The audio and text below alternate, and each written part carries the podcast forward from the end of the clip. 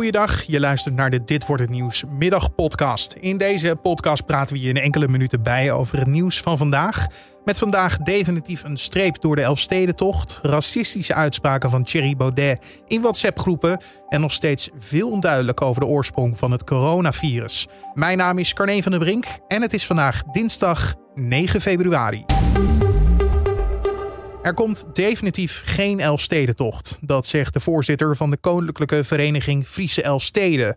Ook nu de schaatskoorts sterk oploopt in Nederland, blijven ze erbij. De Elfstedentocht is niet mogelijk in de huidige pandemie.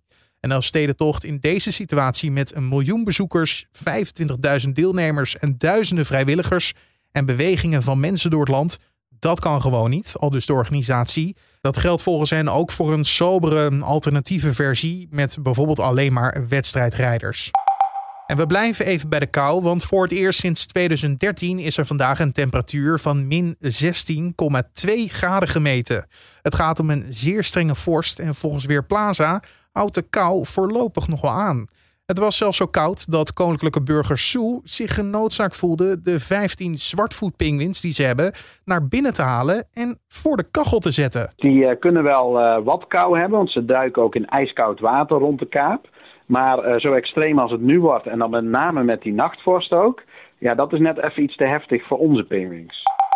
Thierry Baudet doet racistische uitspraken in WhatsApp-groepen. Dat meldt Weekblad Elsevier vandaag. Volgens het blad zei onder andere dingen over dat witte mensen een hoger IQ hebben dan Hispanics en Afro-Amerikanen.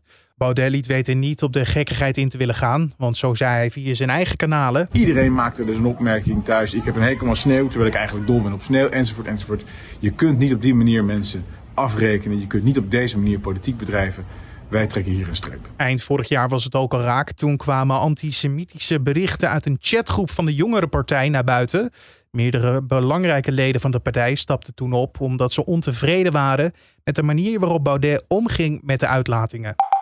Waar het coronavirus vandaan komt, is nog steeds niet duidelijk. Na een maand lang onderzoek van experts in Wuhan, waar het allemaal begonnen zou zijn, is het nog steeds niet duidelijk waar corona nou precies vandaan kwam. Het is gewoon niet met zekerheid te zeggen, dus er moet meer onderzoek gedaan worden. Zo was de conclusie na een persconferentie vandaag.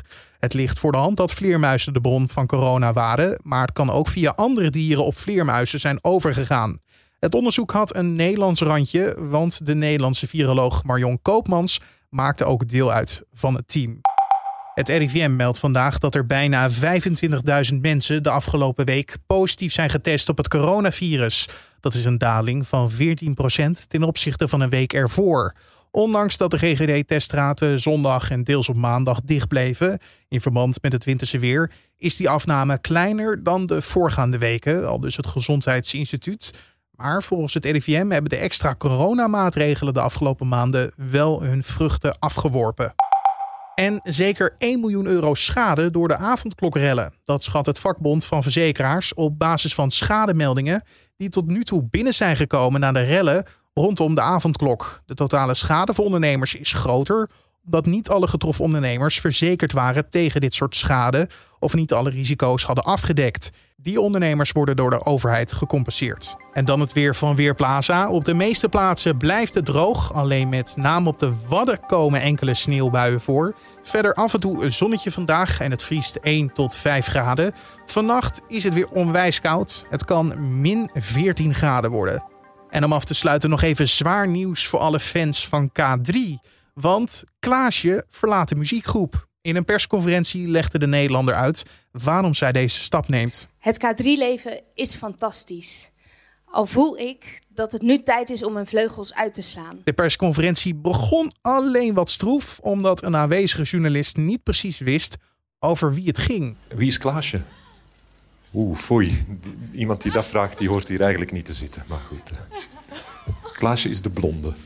De groep gaat nu op zoek naar een nieuw lid. En dat mag ook voor de eerste keer een man zijn. En tot zover de Dit Wordt Het Nieuws middagpodcast voor deze dinsdag 9 februari. Je vindt ons in de ochtend en middag op de voorpagina van nu.nl en natuurlijk in je favoriete podcast app. En denk dan aan Spotify, Apple Podcast of Google Podcast. Heb je vragen, suggesties of feedback? Stuur die dan door naar ons mailadres podcast.nu.nl. Nogmaals, podcast.nu.nl. Mijn naam is Carne van der Brink. Ik wens je een hele mooie dag en graag tot de volgende.